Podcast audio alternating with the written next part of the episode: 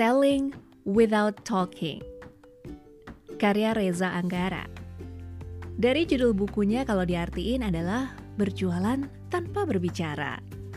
Gimana caranya sih kita menjual sesuatu tanpa berbicara? Bisa sih, tapi kan enak sambil ngomong ya. Lebih nendang lah pastinya. Buku yang dicetak dua kali ini di tahun 2017 terbitan dari Grasindo. Penulisnya Reza Anggara. Buku yang didominasi warna merah ini juga dihiasi ilustrasi yang relevan dengan apa yang disampaikan. Bukunya agak ajaib sih kalau menurut saya, karena ada saran penggunaan frekuensi gelombang buat terkoneksi.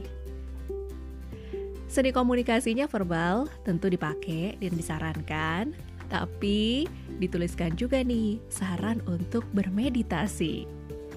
Nah, yang lebih menarik, di halaman terakhir ada lampiran foto praktek selling without talking. Saya akan bacakan 8 halaman dari halaman 63 hingga 71. Sisanya, biar pada penasaran, coba cari buku Selling Without Talking karya Reza Anggara, terbitan dari Grasindo. Silakan disimak ya.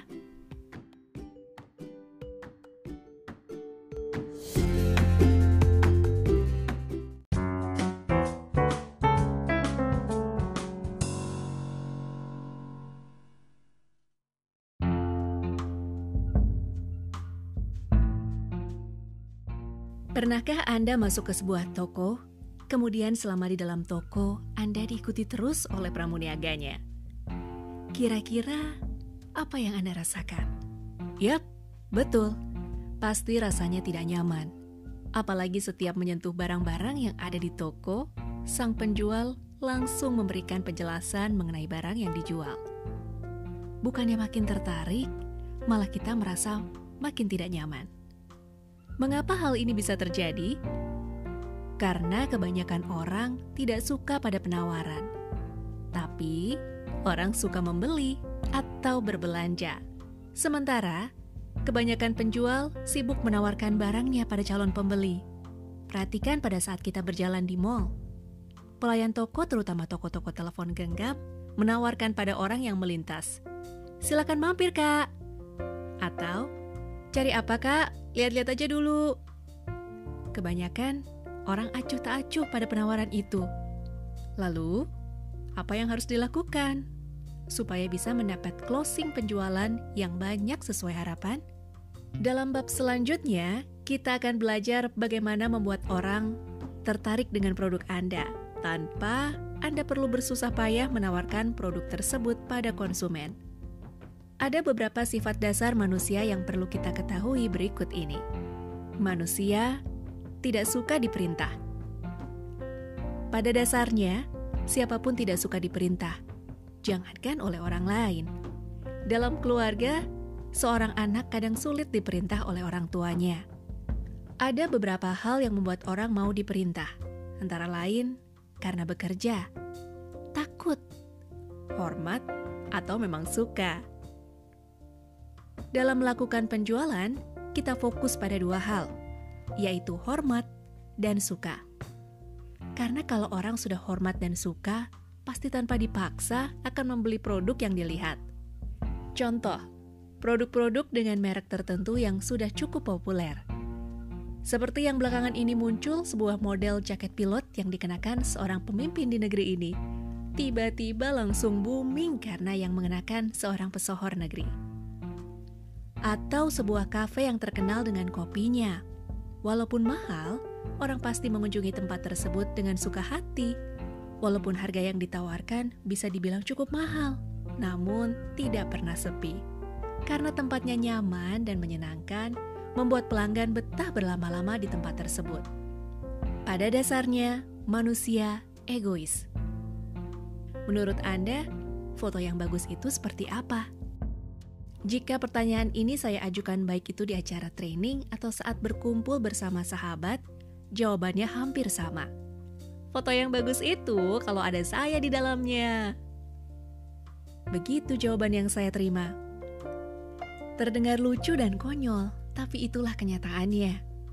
Coba Anda ingat-ingat kembali saat acara-acara yang melibatkan orang banyak dan Anda ada di situ. Umumnya saat melihat-lihat dokumentasi acara, pasti yang dicari adalah foto yang ada Anda di sana.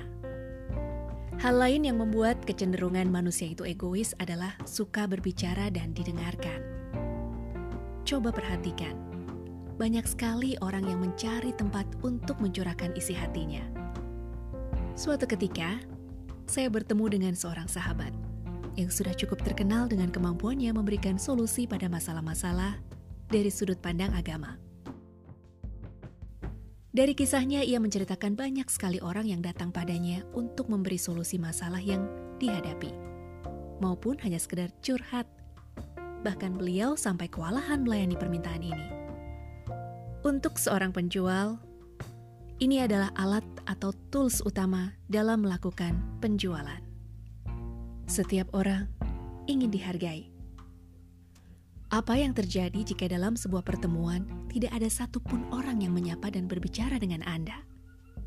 Semua orang sibuk, dan Anda seperti tidak dianggap ada. Tentunya Anda akan merasa sepi, sendirian, tidak dihargai, dan perasaan tidak nyaman lainnya. Tentunya, setiap orang sangat menyukai diperhatikan, didengarkan, dihargai, dan dihormati. Bahkan sampai ada orang yang rela membayar orang lain hanya untuk mendengarkannya berbicara. Inilah satu lagi sifat dasar manusia yang perlu menjadi perhatian seorang penjual. Tanpa disadari, seorang penjual melakukan hard selling dengan langsung menawarkan produknya Kalaupun ada terkesan hanya basa-basi saja, tidak tulus dari hati. Manusia suka dengan orang yang punya kemiripan. Seperti yang saya tulis pada bab sebelumnya, orang akan cenderung mendekat pada orang yang memiliki frekuensi yang sama dengannya. Frekuensi yang sama bisa tercipta dari kemiripan-kemiripan yang terbangun, seperti memiliki hobi yang sama, dari daerah yang sama, pengalaman yang mirip, dan lain-lain. Jika kesamaan ini sudah terbangun, akan sangat mudah bagi seseorang membangun komunikasi dan relasi dengan orang lain. Coba Anda praktikkan. Membangun kesamaan ini saat menunggu antrian dokter, di ruang tunggu bandara, atau di tempat-tempat umum lainnya.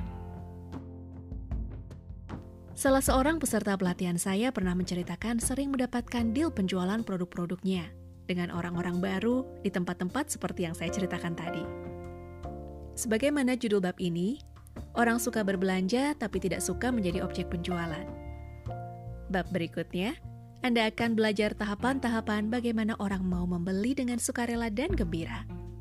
Karena penjualan terbaik adalah saat Anda berhasil menanamkan keputusan Anda pada orang lain yang dirasakannya adalah keputusannya sendiri.